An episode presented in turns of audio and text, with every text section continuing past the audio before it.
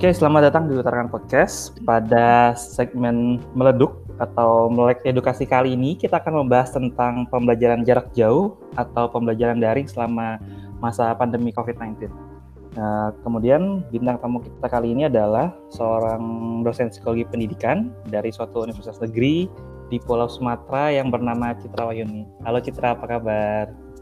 Uh, halo Faru, alhamdulillah sehat. Gimana kabarnya, Ru? Alhamdulillah. Kayaknya udah ya? tiga tahunan kayaknya ya nggak ketemu oh iya iya benar-benar tiga tahun iya uh, tiga tahun nggak ketemu oke okay. um, sekarang sibuknya apa Cit selain ngajar selain ngajar sibuknya ya karena ngajarnya via online gitu ya dari uh-huh. uh, yeah. sejauh ini sih uh, ngebimbing mahasiswa aja skripsi kemudian ya mempersiapkan oh. diri untuk menjadi ibu gitu ya karena oh, bentar iya. ya gak lama lagi sih gitu terus uh, yeah. apa ya udah sih itu aja paling okay. nyobain nyobain webinar webinar yang uh, bisa memperkaya diri. Oke, okay, ya FYI Citra Citra ini sedang uh, sedang hamil, jadi kita doakan semoga nanti lahirannya lancar, uh, Citra Amin. dan nanti anaknya juga sehat. Oke. Okay. Oke, okay. uh, langsung aja. Jadi seperti yang sudah kita tahu uh, bahwa pembelajaran uh, baik itu di tingkat PK sampai perkuliahan itu semua dari rumah dan maksudnya uh, daring secara online dan sudah berlangsung kurang lebih kurang lebih sekitar tiga bulan ya kalau nggak salah. Iya, tiga, ya, bulan. bulan. Oke, okay, nah jadi um, menurut Citra nih uh, belajar di, di rumah uh, belajar di rumah tuh mempengaruhi perkembangan sosial anak secara positif atau negatif sih uh, menurut Citra? Hmm, gimana ya? Um, kalau kita uh, pakai teorinya Vygotsky gitu ya, memang okay. kan perkembangan kognitif seorang anak gitu ya perkembangan sosialnya juga bahasanya hmm. itu memang dipengaruhi sama lingkungannya gitu ya beda hmm, kalau sama Piase bahwa seorang anak itu adalah individu yang selalu termotivasi hmm. yang dia pasti akan mengeksplor uh, beragam pengetahuan keterampilan hmm. yang dia pengen nah, hmm. nah hmm, uh, gue coba untuk ngejawab pertanyaan ini dengan memadukan dua hal tersebut gitu ya. Oke. Okay. Uh, maksudnya dua teori itu. Jadi hmm. kalau yang gue pahamin gitu ya, hmm. perkembangan hmm. sosial anak itu bukan hanya dipengaruhi karena dia belajar daring aja. Jadi hmm. contohnya gini, kalau untuk yeah. anak usia sekolah dasar gitu kan, hmm. memang dia harusnya uh, atau anak TK lah memang hmm. harusnya di situlah uh, dia udah mulai mengembangkan yang namanya keterampilan sosialnya, kom, yeah. uh, kemampuan sosialnya gitu dengan teman sebayanya. Namun hmm. ketika pembelajaran daring ini, jadi dia nggak ketemu nih sama teman sebayanya, gitu kan. Hmm. Tapi yang perlu diketahui juga gitu, keterampilan sosial sama kemampu uh, keterampilan sosial ataupun kita sebut sebagai kompetensi sosial anak itu bukan hmm. hanya dilatih ketika dia bertemu sama teman sebayanya tapi okay. dilatih sejak anak itu ya usia toddler lah katakanlah ya dia udah mulai bisa okay. berinteraksi dengan hmm. orang tuanya atau lingkungan terdekatnya gitu ya nah hmm. menurut gue sih positif atau negatifnya itu tergantung balik lagi ke lingkungan keluarga atau orang tuanya oke okay. Nah, jadi uh, nanggepinnya gimana nih pembelajaran hmm. daring ini gitu? Iya, uh, iya betul. Misalnya, uh, ya karena menurut gue gini, kalau misalnya orang tuanya ini menganggap perkembangan sosial anak itu bukanlah suatu hal yang penting gitu ya, mau hmm. dia belajar daring ataupun di sekolah, ya anak hmm. itu tidak akan terlatih gitu keterampilan okay. sosialnya dengan baik dengan secara positif. Yang kita mm -hmm. tahu keterampilan sosial anak di masa usia sekolah dasar itu mm -hmm. uh, yang pertama dia paham perspektif orang lain atau pandangan yeah. orang lain, paham okay. konsekuensi apa yang dia uh, uh, katakan atau lakukan gitu kan. Misalnya mm -hmm. saya uh, menjahili teman saya maka konsekuensinya seperti apa gitu kan kemudian hmm. kalau saya mau meminta barang punya teman saya bagaimana caranya gitu kan salah satunya kan seperti itu hmm. belajar untuk tanggung jawab sama diri sendiri. Nah, menurut hmm. gue sih uh, itu bukan permasalahan belajar daring atau enggak, ya pasti ada pengaruhnya gitu ya. Karena okay. anak um, uh, terbiasa untuk bertemu sama teman sebayanya, sekarang udah enggak gitu kan. Tapi hmm. Uh, itu enggak akan berpengaruh banyak kalau misalnya orang tuanya memang uh, udah sehari-harinya uh, membimbing uh, anaknya ini uh, untuk mengembangkan keterampilan sosial secara positif. Okay. Dan tetap perlu sih menurut gue untuk uh, orang tuanya ini uh, apa ya menyediakan waktu atau memfasilitasi anaknya ini untuk ketemu teman sebayanya sih di uh, meskipun dengan keadaan pandemi seperti ini. Sebaya di sini tuh bukan berarti harus banget seumuran gitu ya Okay. Misalnya dua tahun di atasnya, satu tahun, tiga tahun, hmm. entah itu bisa sama kakak sepupunya, tetangganya gitu kan, yang okay. ngebuat anak ini merasa bahwa bisa TikTok gitu kan. Kalau misalnya hmm. gue ngomong sama lo nih TikTok kan hmm. gitu, maksudnya hmm. nggak hmm. ada apa ya, gue nggak harus jaim unggah ungguh atau yang gimana sehingga ya, uh, ya, ya, ya alamiah gitu interaksinya. Betul, nah betul. itu juga anak dia juga perlu hmm. ya namanya interaksi alamiah dengan teman sebayanya. Oke orang tuanya misalnya well educated bisa interaksi uh, sesuai dengan uh, usia anak gitu tapi tetap yeah. beda gitu karena uh, respon yang diberikan atau yang ditunjukkan anak tentunya akan berbeda ketika dia bertemu sama teman sebayanya itu sih menurut gue jadi hmm mau pembelajaran daring atau enggak balik lagi mm-hmm. itu semua di keluarga sama lingkungan rumahnya dan okay. kalau menurut mm-hmm. uh, yang sering dibahas-bahas gitu ya gue lihat webinar-webinar huh? tentang pendidikan uh, hmm. memang inilah saatnya gitu ya uh, hmm. semua rumah itu menjadi sekolah gitu ya jadi okay. kalau misalnya orang tuanya ngerasa dulu bahwa nggak bisa yang namanya belajar itu memang harus di sekolah gitu kan hmm. hmm. nggak bisa gitu memang tanggung jawab pendidikan itu bukan di guru sebenarnya di orang tuanya hmm. gitu kan okay. uh, eh, bahkan gue pernah baca gitu ya salah satu buku itu bukunya bagus gitu ya tentang huh? parenting dikarang okay. sama uh, Brooks J Brooks gue lupa J-nya okay. apa uh, yeah, yeah. Iya. Hmm. bahwa misal pun sekolah itu nggak ada komunitas hmm. atau lingkungan di sekitar rumah itu hancur yang hmm. bisa mempengaruhi perkembangan seorang anak baik kognitif, sosialnya, emosionalnya itu secara baik itu ya memang keluarganya karena keluarga itu diibaratkan sebagai inti dari nukleus gitu. Jadi okay. kalau keluarga sama uh, orang tuanya itu memberikan pengaruh yang positif, mau hmm. istilahnya hujan badai gitu ya, hmm. uh, ya anak itu akan berkembang secara positif pula. Tapi kan tentu anak itu nggak nggak uh, selamanya ada di lingkungan keluarganya. Oleh karena itu, memang kita perlu dapetin yang namanya sekolah yang baik, lingkungan atau komunitas yang baik gitu. Tapi paling penting itu tetap keluarga gitu. Oke. Ya, uh, kalau ya kalau gue uh, simpulkan berarti intinya adalah um, justru um, orang tua atau uh, keluarga itu merupakan apa ya? Um, salah satu kunci ya dalam pendidikan. Dan itu uh, dan hal itu pun uh, ketika situasinya seperti saat ini justru uh, semakin uh, memperkuat bahwa ya urgensi atau pentingnya pendidikan dalam keluarga itu sendiri. Ya kan? Jadi ya, uh, peran ya peran orang tua peran hmm. Uh, mungkin uh, kakak atau adik atau anggota keluarga yang ada di dalam keluarga tersebut ya itu tuh menjadi menjadi apa ya um, menjadi lebih uh, lebih penting saat ini dengan situasi seperti saat ini. Oke, okay, ya. yeah. tadi kan, hmm, hmm, uh. tadi kita kan bilang um, sempat ya sesekali perlu ada interaksi dengan teman sebaya. Uh. Nah, kalau misalnya kan uh, anak-anak sekarang tuh ya udah ya digital digital native lah ya.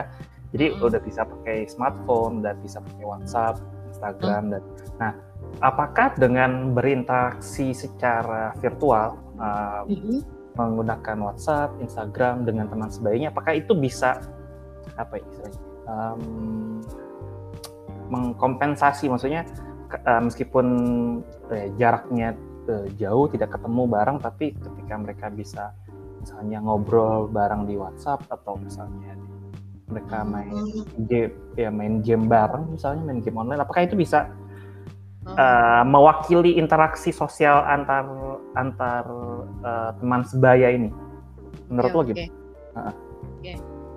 Jadi ini ya kalau hmm. yang gue pahamin gitu ya ini kan terkait juga sama kita memaham uh, apa kalau ngomongin interaksi kan bagaimana kita juga memahami hmm. uh, pandangan sama perasaan orang lain gitu ya. Kalau okay. gue sih tetap uh, bilang bahwa uh, gawai gitu ya mm-hmm. WhatsApp, video yeah. call, mm-hmm. uh, meskipun kita misal misalnya ada agenda mm. gitu dari sekolahnya, yang mana mm. di situ anaknya bisa ngobrol bareng-bareng sama temennya atau mm. uh, perkumpulan orang tua itu menyediakan waktu gitu ya untuk anak-anaknya ngobrol cerita hari ini ngapain aja. Menurut gue sih itu nggak bisa menggantikan uh, anak tersebut uh, untuk tatap muka melatih keterampilan sosialnya dengan teman sebayanya gitu ya uh, hmm. dibandingkan nggak uh, bisa nggak bisa menggantikan kenapa gitu ya anak-anak uh, tuh ya kepekaannya pada kepekaannya mengenai pandangan orang lain gitu ya hmm. uh, terus uh, apa ya ya pandangan orang lain yang difikirkan orang lain terus tuh kemampuan untuk memecahkan masalahnya menurut gue kalau misalnya nggak ketemu langsung itu hmm. uh, itu adalah sesuatu yang masih abstrak gitu ya.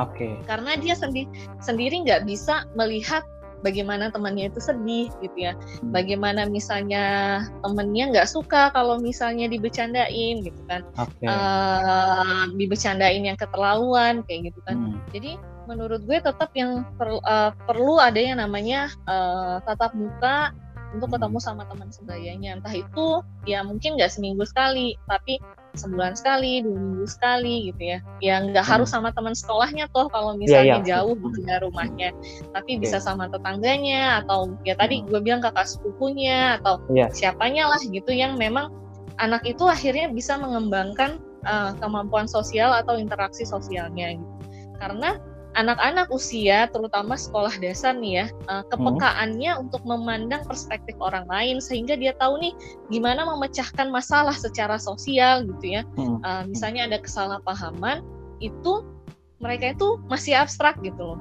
maka hmm. itu perlu dilatih dengan cara apa bergaul itu tadi bertemu sama orang lain, bertemu hmm. dengan sama teman sebayanya sehingga uh, kepekaan terhadap pandangan orang lain itu kemudian dia bisa memecahkan masalah pribadi maupun sosialnya itu bisa terlatih. Karena hmm. kalau kita balik lagi ke perkembangan moral atau sosial gitu ya, usia 6 sampai 12 tahun itu anak itu masih terus berlatih atau meraba-raba gitu ya. Bagaimana dia hmm. bisa berinteraksi dengan baik uh, dengan orang lain kalau 6 sampai 12 tahun itu dia apa ya istilahnya uh, sudah punya kemampuan sosial yang baik 12 tahun ke atas itu udah udah gampang lah istilahnya gitu karena dia sendiri hmm. udah memahami nih karakteristik karakteristik orang gitu sebenarnya okay. kan yang perlu dilatih sama anak-anak itu kan adalah memahami karakteristik orang itu ternyata berbeda-beda gitu kan uh -huh. uh, misalnya ada anak yang orang apa sih ada temennya yang nggak suka kalau misalnya uh, apa ya nih makanannya diminta gitu kan hmm. ada uh, temennya yang nggak suka kalau misalnya ditanyain terus udah makan atau belum atau kamu hari ini bekalnya apa gitu kan nah anak itu perlu hmm. mengetahui oh ternyata karakteristik orang itu beda-beda kepribadian hmm. orang itu beda-beda yang menurut gue gitu ya kalau cuma secara hmm. video call itu nggak dapet oke okay, oke okay karena uh, pasti terbatas. Meskipun, meskipun itu video call, karena video call kan kayak kita bisa melihat uh, raut wajah, apa sih ya mimik mimik muka itu kan terlihat ya kalau video call. Berarti itu tetap hmm. tidak bisa mewakili atau tidak tetap tidak bisa membantu Enggak. anak untuk Enggak. memahami. Oke, okay. kenapa Enggak, tuh? Karena uh, anak juga masih terbatas gitu dalam memahami uh, mimik wajah seseorang gitu kan. Anak itu okay. harus dikasih tahu gitu bahwa iya saya sedih gitu loh. Saya nggak suka saya kecewa gitu kan. Anak hmm. itu masih belajar melabel emosi aja masih belajar gitu kan. Eh saya ini sedih apa kecewa ya gitu. Saya ini marah jengkel sebel atau apa ya gitu. Jadi hmm. uh, melabel emosi aja dia itu masih belajar. Apalagi untuk menebak apa sih yang dialami sama orang gitu kan. Oke. okay. Ya, maksudnya menem, ya, iya maksudnya jadi um, meskipun uh, misalnya dengan video call itu um, apa ya dengan sudah melihat wajahnya pun ya anak pun uh, seperti seolah-olah uh, seperti menerka seperti menerka dia tuh mm. uh, responnya apa ya? Apakah sedih? Apakah senang? Apakah marah? Yeah. Gitu kan? Oke, karena yeah. um, ya apalagi kan kalau misalnya video call ya kalau sinyalnya misalnya kurang bagus kan misalnya uh, tiba uh, nggak sengaja raut wajah temennya kayak uh, kurang bagus terus kepak kayak kayak freeze gitu kan. Lah mm-hmm. kok dia kayak gitu? Jangan-jangan dia marah sama aku. Ya ya oke oke oke. Ya nangkap nangkap nangkap nangkap nangkap. Oke. Oke nah. maksud, hmm? nah, gue lanjutin ya Ru. Maksudnya boleh boleh boleh. Hmm? contohnya aja ya. Misalnya lo sama uh, orang tua lo kan tinggalnya terpisah nih. Misalnya okay hmm. lo nggak ketemu dia dua bulan tiga hmm. bulan hmm. gitu ya hmm. nggak hmm. ketemu hmm. orang tua lo uh, pas di telepon tuh baik-baik aja gitu ya uh, yeah. pokoknya nggak ada rasa sedih atau apa tapi ketika hmm. lo datang ke rumah ternyata keluar tuh semua gitu ya lo nggak ngebaca dari video call itu bahwa orang tua lo tuh ternyata ngerasa khawatir gelisah takut okay. gitu karena yeah, yeah. Uh, apa ya manusia itu kan dinamis gitu ya. Sekenal kenalnya lo sama orang tua, sama hmm. pasangan lo, pasti okay. kalau nggak ketemu secara langsung itu ada hal-hal yang lo nggak ketahuin, ada hmm. hal-hal yang berubah gitu dari diri dia gitu kan. Apalagi okay. seorang teman yang uh, seorang teman yang kita tuh belum tentu kenal dia secara utuh kepribadiannya, terutama mm -hmm. ini buat anak kecil gitu ya, yang mana yeah kepribadiannya itu masih terus berkembang gitu ya. Meskipun okay. kita tahu bahwa uh, kepribadian itu ada disposisi atau kecenderungan tertentu gitu ya yang memang yeah. Ya. uh, dibawa gitu ya. Tapi kan hmm. um, lingkungan juga membentuk kan. Nah, itu hmm. dia yang menurut gue memang pasti ada missnya nih dengan pembelajaran daring ini ketika anak nggak bertemu sama teman sebayanya. Oke. Okay. Nah, Um, baik, uh, pertanyaan selanjutnya nih berkaitan dengan um, apa namanya penggunaan uh, gawai atau gadget. Ya seperti yang kita tahu kan uh, belajar jarak jauh ini uh, seolah-olah memaksa anak-anak untuk lebih uh, banyak menggunakan gawai atau gadget. Maksudnya uh, screen time-nya bertambah. Kalau misalnya untuk anak kecil biasanya orang tuanya uh, sudah menjadwalkan oh screen time kamu dari jam sekian sampai jam sekian. Tapi karena harus karena ada pandemi ini uh, belajar di rumah mau nggak mau screen time-nya jadi nambah. Dan itu tuh um, apa namanya ibaratnya uh, biasanya screen time-nya untuk kalau uh, apa namanya kalau misalnya di rumah ketika keadaannya normal keadaannya bi uh, seperti biasa uh, screen time-nya itu ya untuk nonton video atau main game. Nah sekarang screen time-nya jadi nambah dan dan pasti anak oh uh, ya screen time aku harus uh, screen time untuk main game atau nonton video tuh harus stok ada loh gitu jadi dari itu kan jadi nambah banyak ya screen time-nya dan hmm. dan itu tuh uh, apa namanya bisa mempengaruhi temperamen anak ya sih uh, ketika karena ketika interaksi anak terhadap pegawai itu terlalu lama atau ya overload uh, terlalu lama screen time-nya apakah itu mempengaruhi temperamen anak?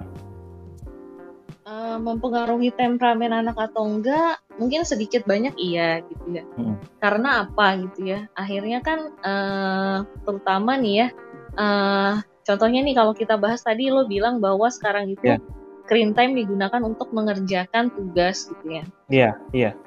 anak-anak tuh mungkin sekarang tuh ngerjain tugas mulur-mulur waktu gitu ya mulur-mulur waktu ya uh, diselamain game dulu lah, di sela ah, iya. nonton YouTube dulu lah, iya, atau iya, apalah. Iya, iya. Gitu.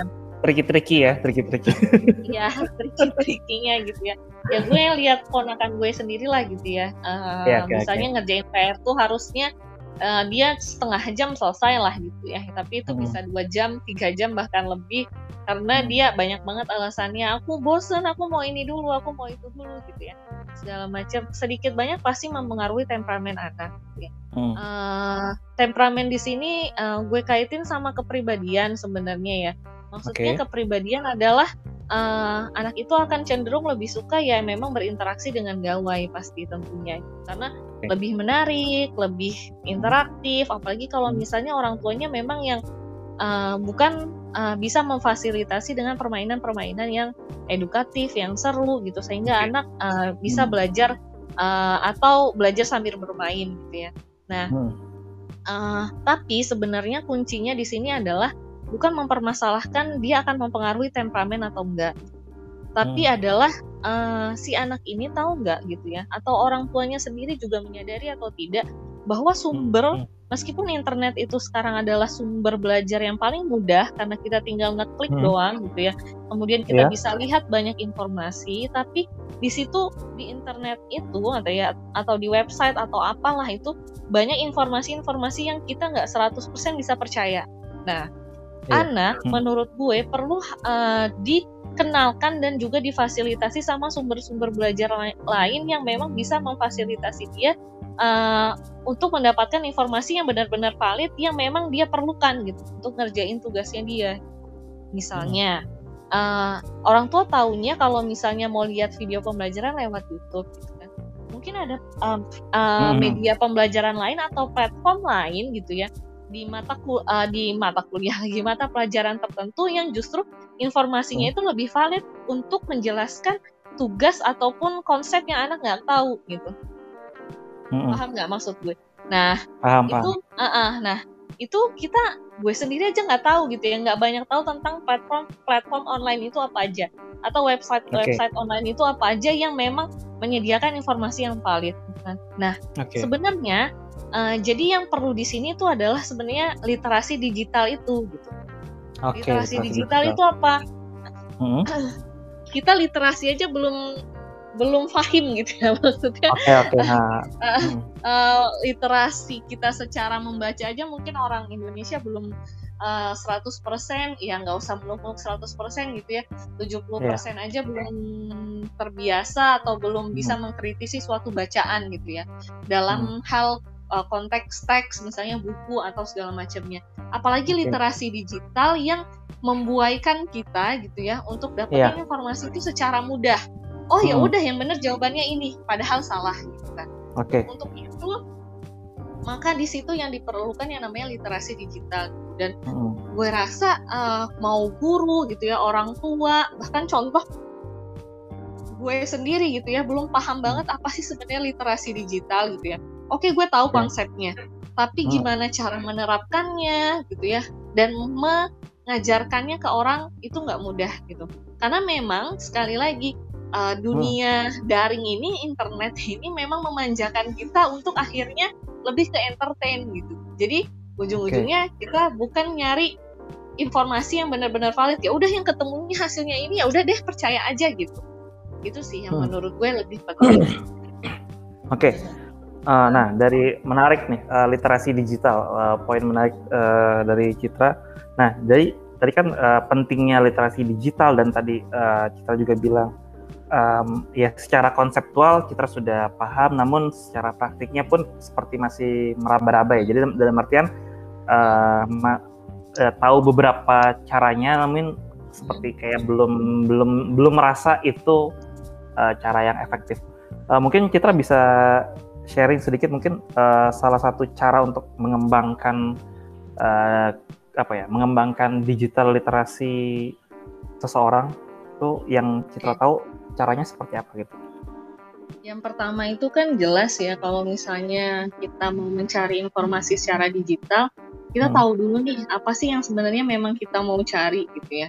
Hmm. Uh, yang mau kita cari di sini, misalnya gue mau cari tahu tentang contohlah apa ya uh, motivasi belajar lah ya okay, okay. motivasi belajar umum banget nih gue tahu cuma motivasi belajar doang hmm. tapi ternyata untuk mengetahui motivasi belajar itu banyak banget nih kata kunci kata kunci yang sebenarnya kalau gue cari pakai kata kunci itu gitu ya hmm. itu informasi yang gue dapetin akan lebih valid lagi lebih banyak okay. lagi contohnya. Motivasi belajar menurut uh, self determination theory. Ya. Oke. Okay. Ya.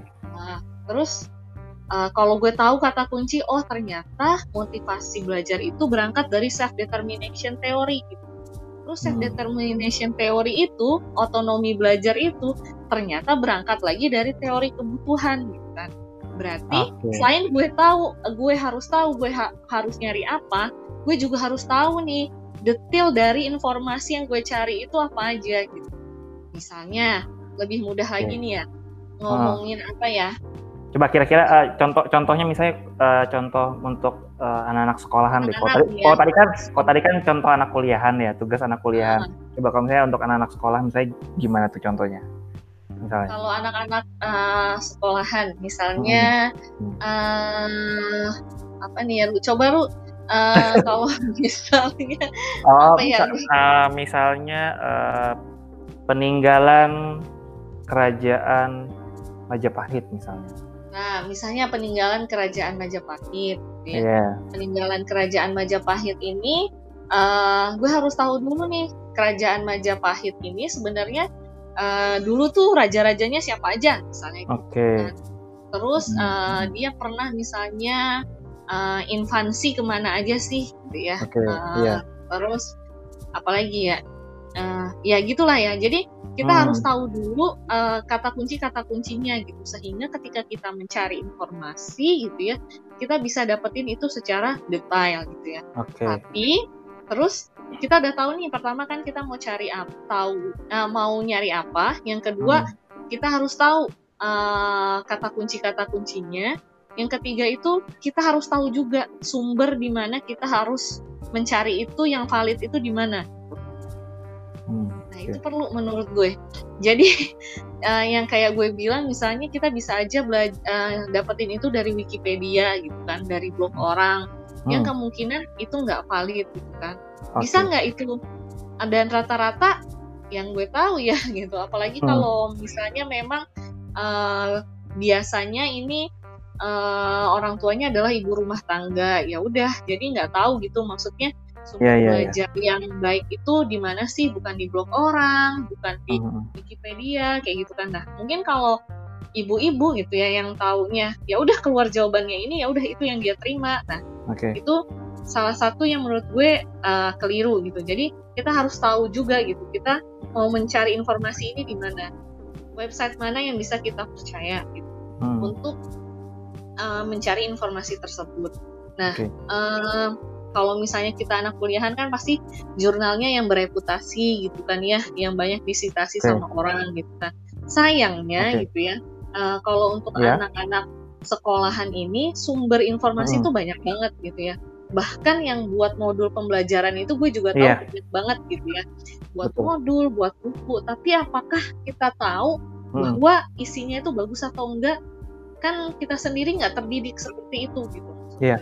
Nah, itulah yang menurut gue okay. uh. orang tua tuh ya harus cek dua kali pada akhirnya harus benar-benar meyakinkan bahwa ya ini yang situs yang dikunjungi sama anak saya ini gitu lah adalah yang bisa memberikan informasi yang valid untuk dia ya dan itu juga hmm. untuk Indonesia sendiri gitu ya nggak mungkin kan semua okay. uh, apa namanya sekolah itu bisa menyediakan akses ke sana gitu ya kayak ruang guru aja uh, berbayar gitu ya kayak Zenius Learning okay. aja hmm. berbayar gitu kan jadi menurut okay. gue uh, selain dari apa ya dari orang tua itu memang uh, apa ya perlu terlibat dalam mencari informasi yang valid bagi anak gitu ya alangkah lebih baiknya hmm. memang guru itu sendiri uh, bisa menyediakan materi pembelajaran gitu ya yang secara singkat dan interaktif itu secara daring juga gitu. Sehingga orang tua juga eh, nggak uh, bingung-bingung gitu untuk mencari informasi di mana. Atau gurunya bisa mengarahkan untuk baca website di sini yang terpercaya gitu. Nah, karena nggak okay. semua uh, orang tua tuh meskipun yang well educated juga tahu gitu kan mana sumber belajar yeah, yang yeah, memang yeah. benar-benar valid gitu kan mau orang tuanya udah S2, S3 gitu kan ya beda pembelajaran ah beda juga apa yang dia pelajarin gitu. Iya. Yeah. Uh -huh. Nah, okay. setelah kita tahu gitu ya, uh, di mana kita bisa cari informasi yang valid, kemudian selanjutnya itu kita harus tahu bagaimana menggunakan informasi tersebut. Gitu Maksudnya menggunakan hmm. informasi tersebut adalah pastinya kalau udah dapat yang valid kita juga kan perlu baca. Bagaimana sih kita mengkritisi bacaan itu? Hmm. Menggunakannya, mencari hal-hal yang penting yang memang itu uh, kita guna uh, itu berguna bagi tugas anak gitu. Sehingga hmm. anak juga nggak keblinger dengan bacaan yang banyak kayak gitu. Jadi kan okay. uh, eh, gue nih ya ber, uh, apa ya? Maksudnya berkaca dulu gue waktu SD baca buku teks itu kan uh, bukan suatu hal yang menyenangkan juga gitu ya tapi kalau kita yeah. bisa dapat inti-intinya gitu kan uh, itulah uh, yang bisa berguna buat kita untuk mengerjakan tugas ulangan dan sebagainya nah itu yang menurut gue keterampilan uh, untuk mencari tahu mana sih hal-hal yang penting yang perlu kita ingat atau yang menjadi apa ya uh, kait bisa kita kaitin dengan materi yang lainnya. Nah itu juga perlu dilatih sih buat uh, pada anak. Dan balik lagi, nah berarti kan di situ orang tuanya juga harus melatih anaknya karena gurunya kehadiran gurunya nggak ada nih ketika pembelajaran daring. Hmm. Hmm. Terus uh, selanjutnya itu uh, yang kelima itu adalah kita mencoba untuk merangkum informasi yang kita dapetin. Kita udah tanda ini yang penting-penting apa, kemudian kita hmm. bisa merangkum oh ternyata misalnya uh, peninggalan kerajaan Majapahit itu di, bisa ditemukan pada keraja, uh, pada raja yang uh, A B C D gitu ya. Uh, ah. hal ini tapi nggak bisa misalnya pada raja yang E. Kenapa? Karena yang raja yang E ini dia nggak melakukan ekspansi keluar daerah atau dia tidak hmm. mendapatkan apa ya uh, misalnya kalau peninggalan sejarah itu apa sih? Arca gitu ya. Dia dia nggak yeah, dapat yeah, yeah. pengaruh budaya misalnya gitu pada iya. zamannya yeah. dia ini belum ada pengaruh budaya sehingga tidak ada peninggalan gitu. Yeah. Nah di situ kemampuan anak juga bisa merangkum uh, hmm. apa ya informasi yang dia perlukan dalam pembelajaran.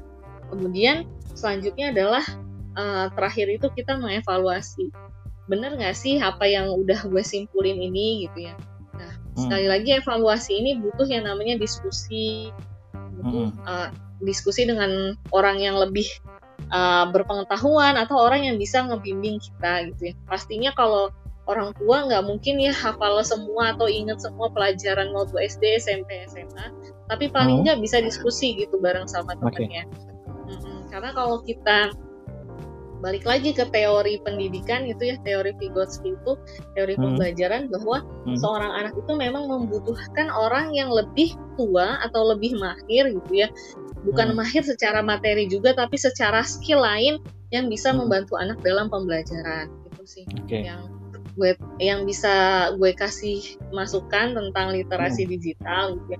sebenarnya okay. mungkin teorinya ada banyak lagi tapi oh. paling tidak gitu ya uh, literasi digital ini yang tadi gue sebutin gue hmm. ini lagi ya uh, apa namanya uh, gue rangkum lagi ya yang pertama itu okay. adalah kita tahu apa yang harus kita cari uh, yang kedua okay. kita tahu kata kunci kata kuncinya yang hmm. ketiga hmm. itu kita tahu di mana cara cari uh, atau kita tahu di mana sumber yang bisa memberikan informasi yang valid gitu ya yang hmm. keempat bagaimana menggunakan informasi tersebut yaitu misalnya menandai hal-hal yang penting gitu ya.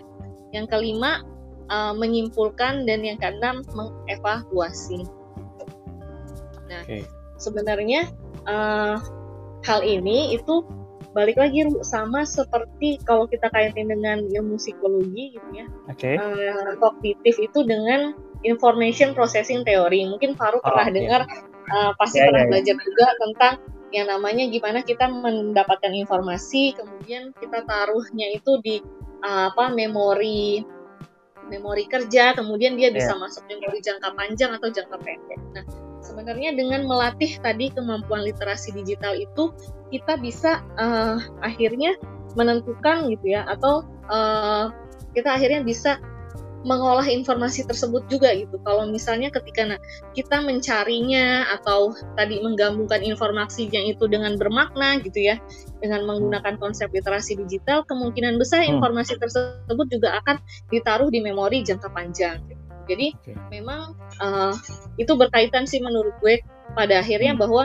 kemampuan literasi digital itu juga uh, bisa uh, mempengaruhi yang namanya kemampuan atau mengasah kemampuan kognitif anak gitu ya dalam hal tadi itu information uh, processing theory yaitu atau lebih dikenalnya kalau kita dulu belajar itu metakognisi gitu gimana caranya si informasi ini menjadi bermakna kemudian ditaruh di memori jangka panjang sebenarnya itu kan yang diperlukan sama anak-anak bahwa uh, apa ya informasi itu bukan hanya untuk menjawab soal gitu tapi gimana okay. informasi tersebut menjadi sesuatu yang bermakna sehingga dia bisa ingat terus.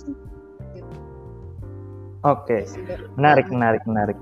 Oke, okay. jadi gini, tadi kan uh, panjang lebar menjelaskan tentang digital hmm. literasi digital, kemudian uh, itu juga ber, uh, mengakar dari uh, literasi juga yang memang masih sangat minim uh, secara umum ya bagi masyarakat Indonesia.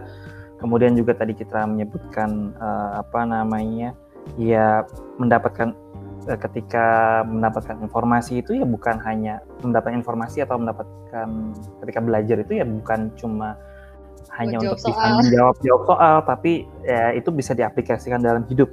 Nah, hmm. tadi kan secara nggak langsung uh, Citra tuh uh, apa ya, me, seperti me, memunculkan uh, apa ya, ada yang salah nih, nih dari sistem pendidikan kita. Kenapa tadi uh, tadi Citra bilang ya kenapa anak-anak ya belajar tuh hanya untuk nilai bukan uh, bukan untuk belajar dipahami dan dipraktekkan untuk kehidupan sehari-hari dan juga uh, kenapa anak-anak apa ya uh, minimnya mereka untuk uh, apa ya minat bacanya masih minim masih kurang dan itu juga mempengaruhi kemampuan uh, literasi dan terlebih lagi uh, dalam hal ini dalam pembelajaran daring ini kan literasi digitalnya juga jadi uh, apa ya uh, berpengaruh gitu. Jadi memang uh, inline gitu ya. Kalau literasinya jelek ya apalagi literasi digitalnya gitu kan ya iya, betul. ya hmm. ya jelek juga gitu nah kira-kira masalahnya di sini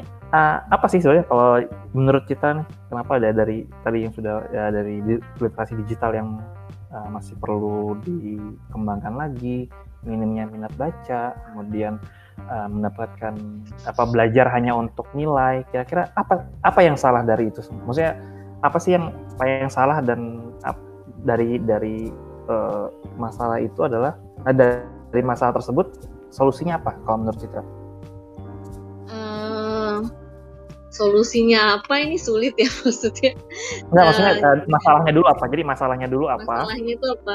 Uh-huh. Kalau ini balik lagi ya, Ru, gue inget banget uh. waktu pas kita belajar tentang filosofi pendidikan gitu ya sama Prof ya, ya udah yang kita tahu lah ya, gitu ya. ya. Uh, maksudnya ya pokoknya seorang yang keren banget itu menurut gue okay. sih karena memang uh, kita itu mengakarnya gitu ya sampai sekarang gue juga mengakui gue seperti itu gitu ya bahwa okay. kita tuh belajar itu untuk suatu kemampuan yang praktis instrumentalis tapi okay. bukan benar-benar pengen tahu sebenarnya maknanya itu apa sih dan okay. itu terbukti dengan banyaknya materi yang dikasih di sekolah juga sehingga guru juga sebenarnya nggak tahu tuh maksudnya terpaksa untuk menjejali itu semua gitu. Padahal nggak semuanya itu penting bagi anak gitu ya. oke. Okay. nah, uh, uh, signifikansinya sehingga, ya? Signifikansinya. Huh? signifikansinya. Signifikansinya. Ya, sehingga anaknya juga ngerasa bahwa ya udahlah gitu ya. Gue hmm. belajar itu untuk menjawab soal supaya nilai gue bagus gitu. Karena gue juga susah nih untuk memilah apa sih yang sebenarnya penting apa kata kuncinya apa yang sebenarnya kalau gue pegang satu itu bisa dikaitkan dengan semuanya gitu. Hmm, gurunya juga mungkin nggak tahu gitu. Gue juga sebagai dosen juga kadang tuh kalau misalnya ngajarin suatu materi, uh, hmm. kalau misalnya gue belum bisa untuk mengkait uh, mengambil akarnya yang mana, tapi gue hmm. merasa bahwa itu materi bukan sesuatu hal yang uh, wajib banget untuk dipelajari. Maksudnya anak itu bisa okay. kok nanti belajar dari internet atau mana tapi gue ambil yang penting-penting aja maka gue akan hilangkan materi itu nggak gue kasih oh. oke okay. uh, uh, gitu sih jadi menurut gue ya itu tadi sih kita kelebihan banyak informasi ya kalau bisa dibilang maksudnya kita kebanyakan materi yang bisa yang harus dipelajari yang itu hmm. mungkin uh, pembahasannya udah banyak banget ya dibahas uh, sama orang-orang gitu baik orang hmm. awam ataupun orang-orang hmm. yang memang bergerak dalam bidang pendidikan yang ngerti banget mengenai uh, pedagogik atau apa. Mm -hmm. uh, tapi dari itu semua, uh, gue sangat meyakini bahwa ya memang tujuan pendidikan kita itu masih instrumentalis. Kita belum tahu pendidikan kita itu arahnya ke mana, mencetak uh, generasi itu yang seperti apa gitu ya. Karena kita sendiri balik lagi kalau kita waktu itu belajar filosofi pendidikan uh, hmm. harusnya itu kan yang namanya kurikulum itu kan mengakar dari budaya. Nah, okay. kita tuh kebalik gitu, bahwa kita itu mengambil kurikulum dari luar ataupun yang dirasa bagus, ya udah dicocokin untuk kita gitu kan. Padahal kita sendiri belum tahu sebenarnya manusia Indonesia itu baiknya tuh akan menjadi seperti apa. Oke. Okay. Kayak uh, Prof itu bilang gitu ya, kita hmm. dijejelin banyak materi nih, memang semua orang Indonesia akan menjadi orang yang uh, istilahnya pemikir semua kan enggak rata-rata hmm. orang Indonesia justru bergeraknya dalam bidang-bidang yang memang praktis gitu kan yang hmm. memang langsung terpakai gitu kan coba kita lihat lapangan pekerjaan kita aja emang kebanyakan ilmuwan kan enggak kan hmm. iya iya betul, nah, nah tapi apa yang dikasih di sekolah rata-rata teori gitu kan rata-rata oh. teorinya banyak semua padahal yang jadi ilmuwan sedikit nah, harusnya seperti apa nah uh, materi yang dikasih gitu kan hmm. sebenarnya itu sih yang menurut gue uh, menjadi uh, bisa dibilang masalahnya gitu ya solusinya okay. seperti apa uh, gue masih percaya gitu ya bahwa hmm. Kalau kita ngomongin tadi kebanyakan itu belajar itu karena nilai-nilai atau hanya untuk hmm. mengerjakan tugas gue masih yeah. percaya itu masih bisa dirubah gitu ya salah hmm. satu jalannya itu adalah yang memang kita harus mencintai baca buku kita harus mencintai hmm. literasi literasi hmm. di sini adalah yaitu tadi mengkritisi bacaan gitu ya hmm. uh, bukan hanya baca tapi mengkritisi maksudnya mengambil poin-poin yang penting mm-hmm. uh, itu sih yang sebenarnya uh, masih kurang gitu ya tapi gue ngeliat gitu ya ibu-ibu gitu ya mau yang mm-hmm.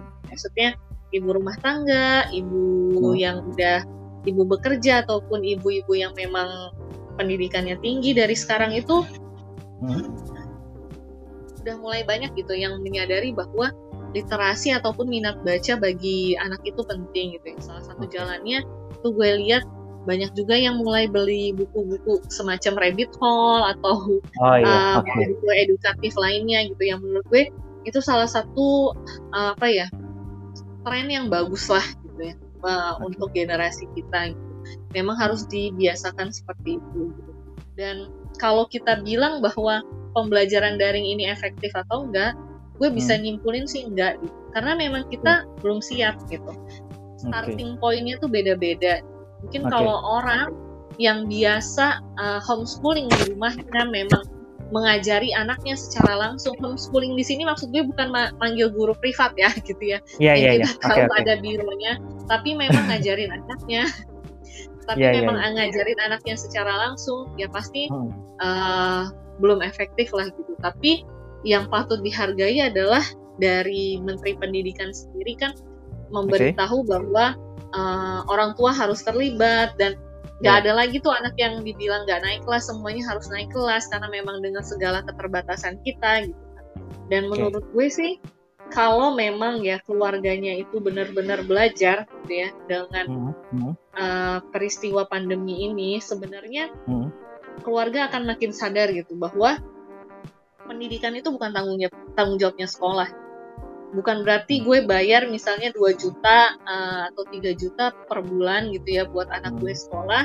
Gue uh, apa akhirnya merasa bahwa sekolah lah yang tanggung jawab untuk semua perkembangan anak gue. Enggak gitu. Yeah. jadi uh, memang harus menyadari seperti itu. Kalau terus kalau ada yang bilang pembelajaran daring kan anaknya nggak di sekolah, SPP-nya harusnya berkurang gitu ya. Oh, enggak loh, enggak gitu gitu.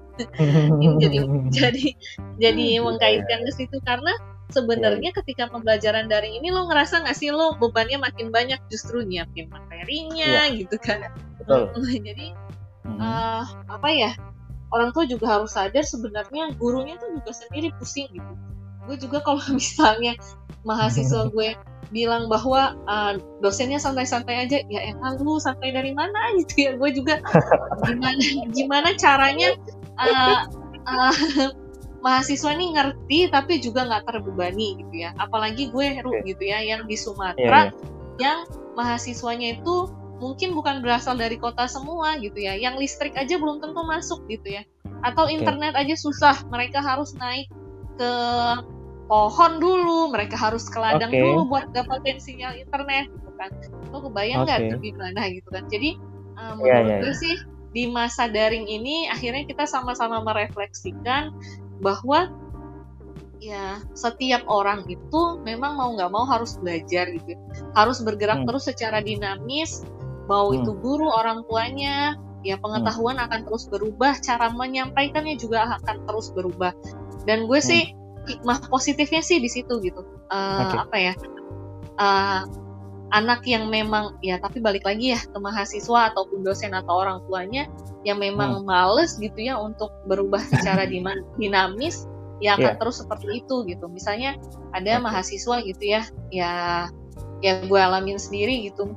bahwa hmm. ya udah pembelajaran daring kan nih malu nih apa pasti dosen gue ngasih nilainya yang bagus gitu ya nggak ikut uas nggak ikut pelajaran gitu kan ya nggak baca materinya gitu kan okay, itu curhatan okay. beberapa guru juga seperti yeah, itu yeah, yeah. menurut yeah. gue itu salah juga sih hmm. ya berarti uh, mindsetnya juga uh, perlu diperbaiki juga gitu. Kalau pikirnya yeah. ya bukan berarti belajar di rumah ya jadi santai ya nggak gitu. Iya. Hmm. Oke. Okay. Uh, uh, nah, um, tadi kan uh, Citra sempat bilang bahwa um, apa kayak kita tuh di sekolah tuh apa namanya belajar banyak hal dan apa namanya dan ketika tiba-tiba um, harus berubah dari yang pembelajaran konvensional di kelas terus langsung berubah secara drastis harus pindah ke ya belajar online atau daring nah itu mm -hmm. kan um, apa ya uh, ibaratnya membuat uh, sebagian guru tuh kayak shock tuh, oh ini harus kayak gimana dan akhirnya kayak ya udahlah semua yang uh, tugas-tugas itu udah langsung masukin di upload uploadin aja atau dikirim kirimin aja. Nah itu kan berarti kan um, tugasnya ya tetap banyak dan itu kan uh, bisa menimbulkan maksudnya uh, apa namanya ya ada anak-anak yang stres stres di sini dalam artian aduh ini tugasnya banyak banget dan sampai akhirnya ah akhirnya pusing sendiri karena tugasnya banyak. Nah kira-kira kalau menurut Citra bagaimana cara uh, menyias menyiasati hal itu untuk guru atau dosen? Jadi uh, membuat tugas itu uh, tugas yang efektif dalam artian um, kompetensi yang ingin guru atau dosen capai terhadap uh, siswa atau mahasiswanya tercapai, tapi tanpa membuat anak atau mahasiswa itu merasa stres atau terbebani. Oke. Okay. Nah. Uh, berkaitan tadi sama yang gue jawab ya sebenarnya kan baik hmm. materi di sekolah maupun di universitas itu kalau kita ngeliatin kurikulumnya tuh padat banget ya maksudnya hmm. banyak lah materinya gitu ya Hmm. hmm. Kalau membuat orang stres gitu ya tentang tugas itu kan sebenarnya beban tugas yang terlalu banyak yang seperti lo bilang akhirnya gurunya cuma ngasih-ngasih tugas aja tanpa ngasih materi gitu ya. Terus kemudian ya. mungkin waktunya itu cuma dikasihnya sedikit gitu ya. Uh, hmm. Mungkin juga yang buat stres juga anaknya nggak ngerti karena nggak ada orang dewasa yang bisa ngebantuin dia itu juga bisa gitu kan. Nah, cara guru hmm. atau dosen supaya anak ini gak stres, balik lagi sih menurut gue, uh, kalau misalnya kita belajar tatap muka, kita kan harus tahu nih karakteristik peserta didik seperti apa, baik itu kepribadian atau cara belajarnya. Tapi okay. ketika kita belajar secara daring, bukan hanya itu yang uh, kita perlu tahu, tapi karakteristik dari keluarganya itu sendiri. Maksudnya okay. gimana karakteristik keluarga ini? Kita pastikan dulu anak ini terutama kalau anak sekolah ya menurut gue sih hmm. kalau SD sampai SMA itu memang harus benar diawasin sama orang tuanya terutama pembelajaran daring ini ya karena okay. bukan berarti anak kuliahan enggak gitu ya tapi maksud gue okay. uh, karena ini tuntutannya masih base-nya kurikulum berarti kan di situ memang okay. harus uh, apa yang namanya uh, ada peran orang tua di situ kan. Oke. Okay. Nah, uh, yang perlu kita tahu itu karakteristik keluarganya. Apakah si anak ini keluarganya itu memang mensupport gitu ya uh, untuk hmm. dia belajar uh, di rumah gitu ya. Hmm. Mensupport dalam arti ada bisa membantu, terus yang kedua uh, bisa diajak diskusi, terus uh, yang terakhir itu adalah fasilitasnya.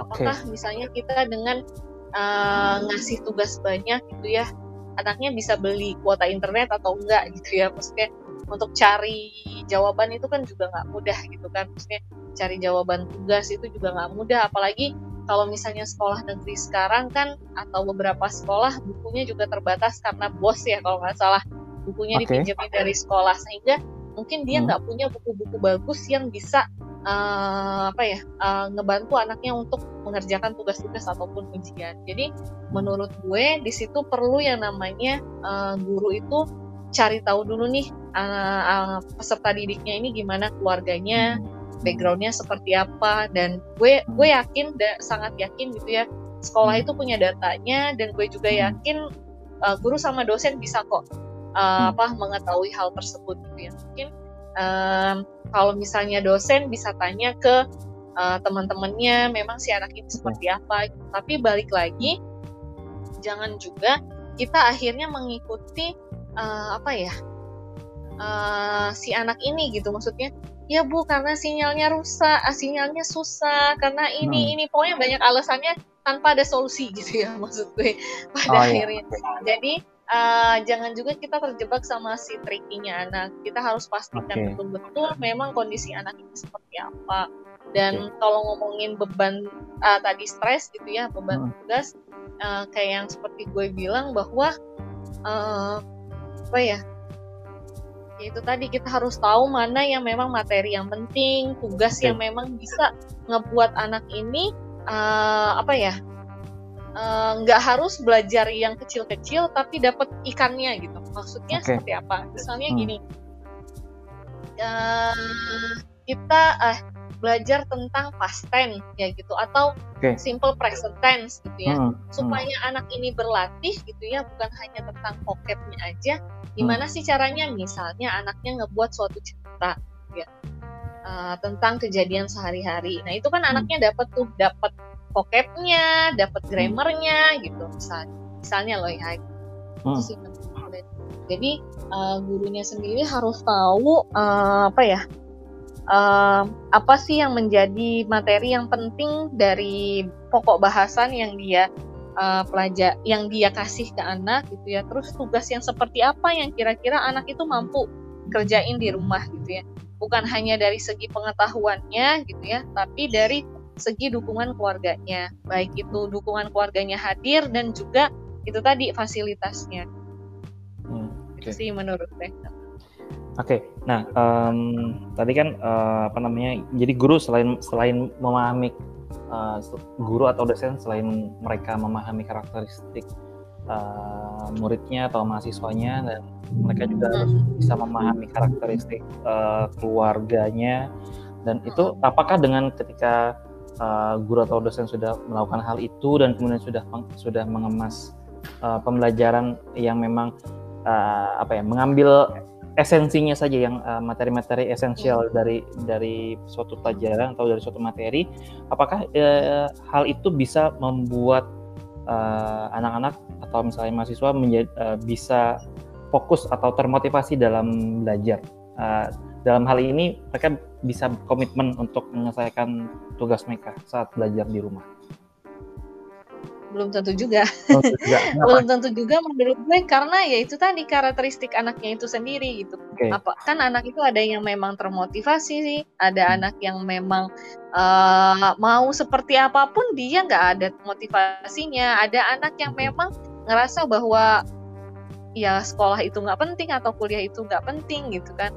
Hmm. Ya banyak faktornya sih Ru. Jadi uh, gue uh, selalu bi eh, bukan selalu bilang ya maksudnya gue uh,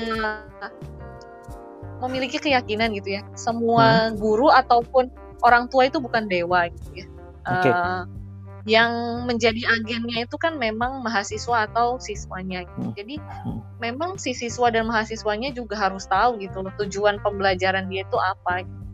dan itu dapetinnya di mana ya sejak dia kecil gitu. sejak dia mulai usia sekolah dasar gitu kalau memang dia nggak tahu tujuan pembelajarannya seperti apa mau dosen atau orang tuanya memberikan dukungan atau fasilitas sebagai segimanapun ya tetap tidak akan bisa gitu sih menurut gue.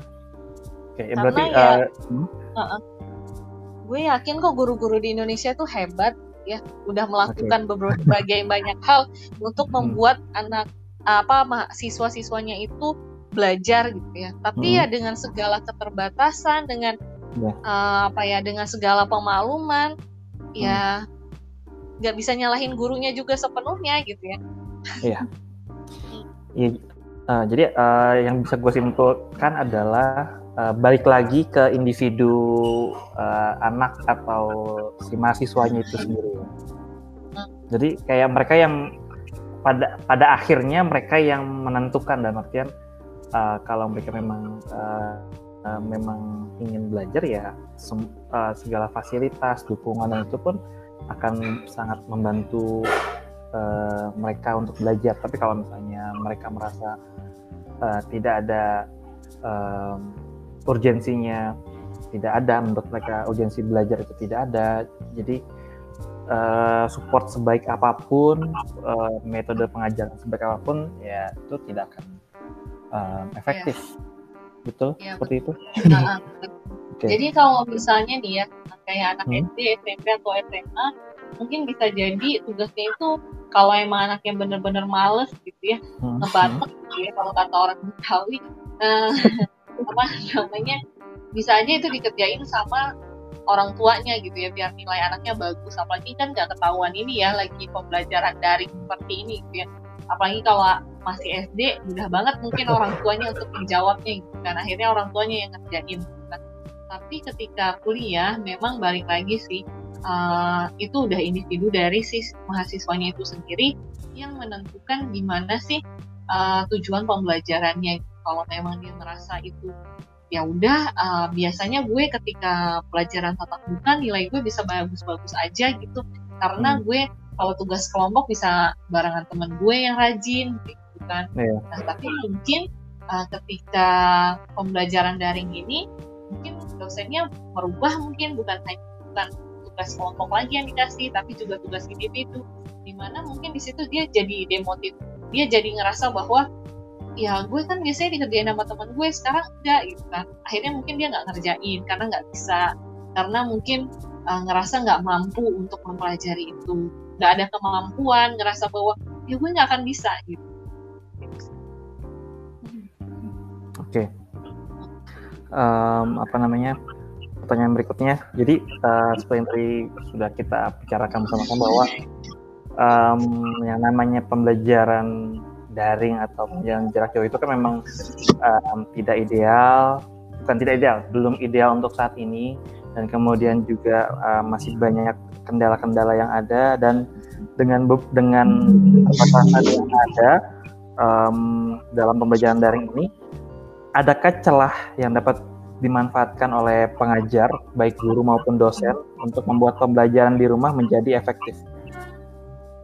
Hmm, mungkin ada ya uh, yang bisa gue uh, apa ya saranin atau mungkin bisa jadi insight gitu ya hmm. bukan hanya guru atau dosen sih dari sekolah gitu ya okay. uh. Uh, kita ngomongin sekolah lah kalau universitas mungkin uh, belum ke sana gitu ya oke okay. adalah tetap seperti kayak ini kan mau tahun ajaran baru ya Ru apalagi yeah. mungkin anak-anak jadinya nggak semangat karena hmm uh, pembelajarannya dari nggak bisa ketemu okay. sama teman-temannya gitu. Hmm. Menurut gue tetap perlu diadain yang namanya kayak uh, welcoming event gitu ya. Jadi selamat okay. datang tahun ajaran baru uh, itu secara virtual diadain sama sekolah atau okay. guru kelasnya sendiri. Okay. Jadi tetap menyambut uh, siswa dan orang tuanya itu dengan hangat gitu, bahwa selamat anak anda atau kalian itu sudah masuk ke uh, jenjang kelas yang berikutnya gitu ya. Okay. Uh, jadi apresiasi-apresiasi seperti itu sih. Terus uh, mungkin di awal-awal uh, apa ya sekolah gitu ya. Uh, mungkin biasanya ada gitu ya pertemuan orang tua dengan guru gitu ya. Nah, uh, ini juga bisa kita siasatin dengan virtual gitu. Jadi kita perlu buat kayak seperti arahan gitu ya gurunya ke orang tuanya apa aja sih yang perlu uh, uh, gurunya ini perlu orang tuanya itu berperan perlu dibantu sama orang tuanya gitu ya uh, misalnya uh, kayak semacam kalau kontrak jadinya ini ya apa ya pokoknya semacam pengarahan lah ya gitu okay. uh, bahwa uh, apa sih yang uh, gurunya inginkan ketika anak belajar di rumah. Misalnya ketika mm-hmm. dikasih materi, uh, orang tua harusnya seperti apa. Misalnya okay. uh, membacakan atau hmm. anaknya baca dulu, kemudian orang tuanya menanyai apakah sudah mengerti atau belum. Kemudian kalau misalnya okay. ada tugas, orang tuanya mengawasi apakah yang dibaca anaknya sudah benar atau belum. Kemudian misalnya anaknya sama orang tuanya tidak mengerti apa solusinya uh, bisa dikomunikasikan dengan gurunya uh, saat kapan, apakah saat jam kerja, apakah malam-malam gitu, udah bisa juga gitu kan, karena nggak memungkiri juga kan gurunya WFH pasti kan juga punya keluarga ya, uh, dan orang tua juga harus memaklumi bahwa gurunya juga punya keluarga yang harus diurus. Jadi nggak satu kali 24 jam juga nanyain tentang pelajaran karena hal-hal seperti itu yang perlu gue eh perlu menurut gue perlu dikasih tahu ke orang tua gitu ya. Hmm. Uh, terus nanti medianya seperti apa metode belajarnya seperti apa itu juga harus dikasih tahu sih ke orang tua terus yang kedua adalah menurut eh yang kedua ya eh ketiga sorry pertama tadi kan welcoming event yang kedua itu pengarahan yang ketiga ini yeah. menurut gue adalah apresiasi sih buat orang tuanya dan anaknya gitu ya misalnya hmm. apresiasi bisa di akhir semester atau di pertengahan semester kita hmm. kasih apresiasi kalau sekarang nggak usah dibeda-bedakan gitu ya maksudnya uh, si A lebih bagus si B lebih bagus si C lebih bagus enggak gitu ya.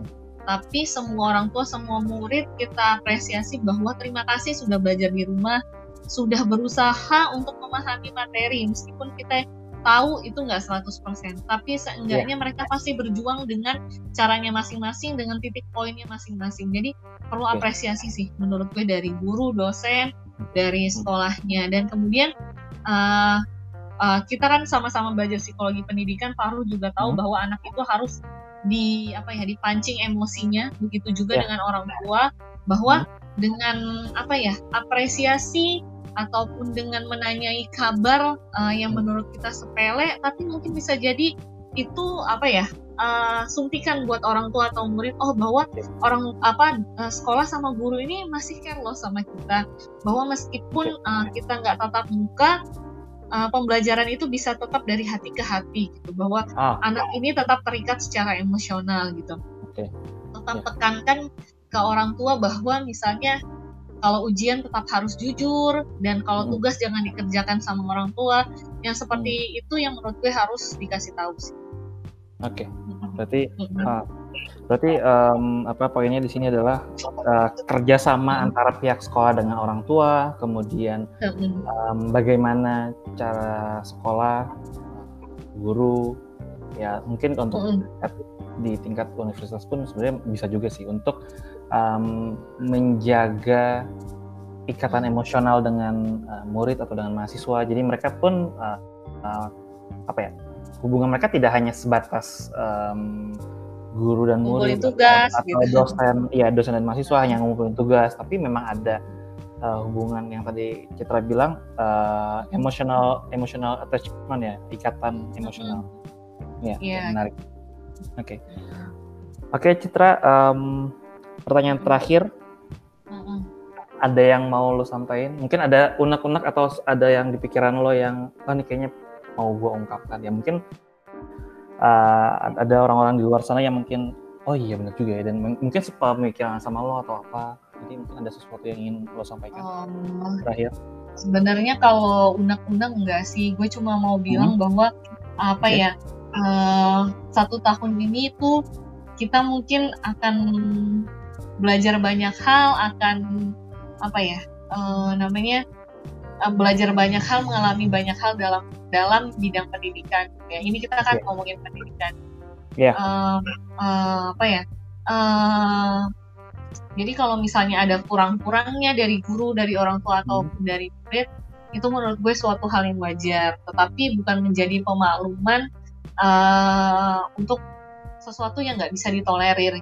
Misalnya tadi okay. malas gitu ya, mencontek, hmm terus yeah. plagiasi, uh, kecurangan atau kebohongan dan lainnya hmm. itu nggak bisa ditolerir. Gitu. Cuma yang gue bilang adalah uh, buat guru-guru, buat orang tua gitu ya, ini saatnya kita belajar gitu ya, belajar sama-sama bahwa uh, dunia pendidikan ke depannya mungkin memang yang seperti ini gitu. uh, kita harus siap dulu lo pernah dengar nggak bahwa mungkin aja sekolah itu menjadi museum uh, kampus itu oh, menjadi iya, museum iya, pernah dengar. ya, pernah jadi dengar. uh, jadi kita memang harus bersiap untuk beradaptasi dengan yang namanya teknologi nah beradaptasi dengan yang namanya teknologi ini bukan hanya kita punya kemampuan finansial kemampuan apa ya uh, ya finansial terus punya akses ke teknologi bukan hanya itu gitu ataupun kemampuan uh, dalam mengakses teknologi itu. Tapi juga uh, skill-skill lain yang menurut gue harus kita punya. Tadi yang gue sebut literasi digital, terus uh, itu bisa meningkatkan meta kognisi kita juga. Terus yang yeah. paling penting sebenarnya adalah ketika kita tidak bertatap muka langsung dengan uh, apa namanya guru kita gitu ya atau dosen kita adalah sebenarnya adalah self regulated learning atau regulasi okay. diri dalam belajar. Gitu ya. Yang tadi gue ya. bilang yeah uh, kata lo kan uh, apa namanya apakah dengan uh, gurunya udah memfasilitasi memfasilitasi dengan baik, dosennya juga sudah. Yeah. Apakah pelajaran itu akan efektif? Enggak, tentu belum tentu. Belum tentu karena yaitu tadi yeah. harus ada regulasi diri dalam regulasi diri belajar da, dalam diri anak gitu ya, uh, yang bisa menentukan keberhasilan uh, dia dalam pembelajaran. Ya. Maksudnya regulasi diri itu gimana? Ya anak harus tahu gitu ya bahwa apa sih yang menjadi keinginan dia untuk belajar? Urgensinya itu apa gitu ya? Apa yang harus dia lakukan untuk menempuh itu gitu ya? Bukan hanya uh, baca-baca dan baca tapi tadi itu tadi uh, ada kemampuan literasinya juga mengolah informasi yang penting dan tidak kayak gitu ya memilahnya mengolahnya terus kemudian mengkritisi mengevaluasi lagi. Jadi menurut gue sih uh, apa ya? Uh, pada akhirnya kalau kita maknai gitu ya secara betul-betul uh, gitu situasi ini kita tuh sebenarnya belajar banyak gitu uh, untuk uh, refleksi diri kita sendiri gitu. Yang mungkin bukan secara tangible kelihatan tapi mungkin intangible-nya. Tapi balik lagi nggak semua keluarga nggak semua dosen nggak semua orang tua ataupun murid menyadari hal itu gitu jadi uh, di sini gue cuma mau bilang uh, coba refleksikan tujuan pembelajarannya seperti apa gitu. Baik itu untuk guru orang tua maupun murid gitu. Gue ini sebenarnya mau seperti apa gitu. Mungkin kalau untuk anak SD itu terlalu berat ya apa yang gue kasih tahu ini gitu ya. Tapi kalau untuk yeah, anak yeah. SMA kuliah mungkin udah saatnya mereka berpikir seperti itu. Apalagi um, ini kan ini harusnya nih anak SMA ini banyak yang mau masuk kuliah nih ya. Uh, iya betul. Uh, uh, tapi mungkin banyak kendala-kendala yang mungkin uh, mereka itu nggak jadi untuk masuk kuliah, mungkin secara finansial ataupun mereka mikir juga ah nggak nggak ketemu dong sama dosen ini sama teman-temannya jadinya nggak mau kuliah deh gitu ya uh, nunda setahun nggak apa-apa juga menurut gue asalkan yeah. dia bisa menyadari atau merefleksikan sebenarnya tujuan dia akan seperti apa gitu. Maksudnya apakah dia akan kerja menambah skill selama satu tahun ini? Misalnya ikut webinar atau ikut pelatihan apa pun itu gitu ya yang bisa menambah skillnya dia. Itu aja sih. Uh, jadi kalau ngomongin tentang pendidikan ya itu tadi kita harus sadar tujuan pembelajaran yeah. itu seperti apa. Jadi makna makna dan tujuan hidup sih sebenarnya Oke, okay. iya. Karena uh, karena pada dasarnya uh, pendidikan adalah media untuk uh, apa ya? Untuk membuat kehidupan manusia menjadi lebih baik. Ya betul. Oke, oke. Um, Citra terima kasih banyak atas um, bincang-bincangnya um, menarik sekali dan apa ya?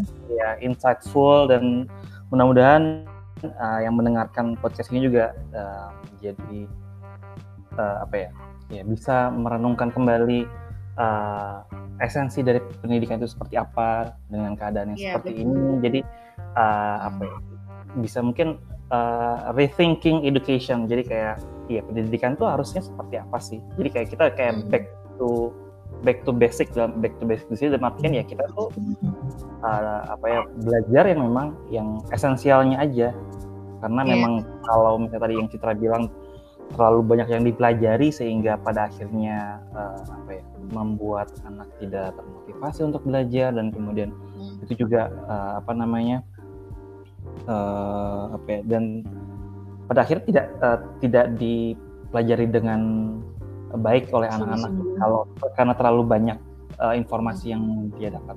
Terima kasih banyak hmm. untuk waktunya Citra.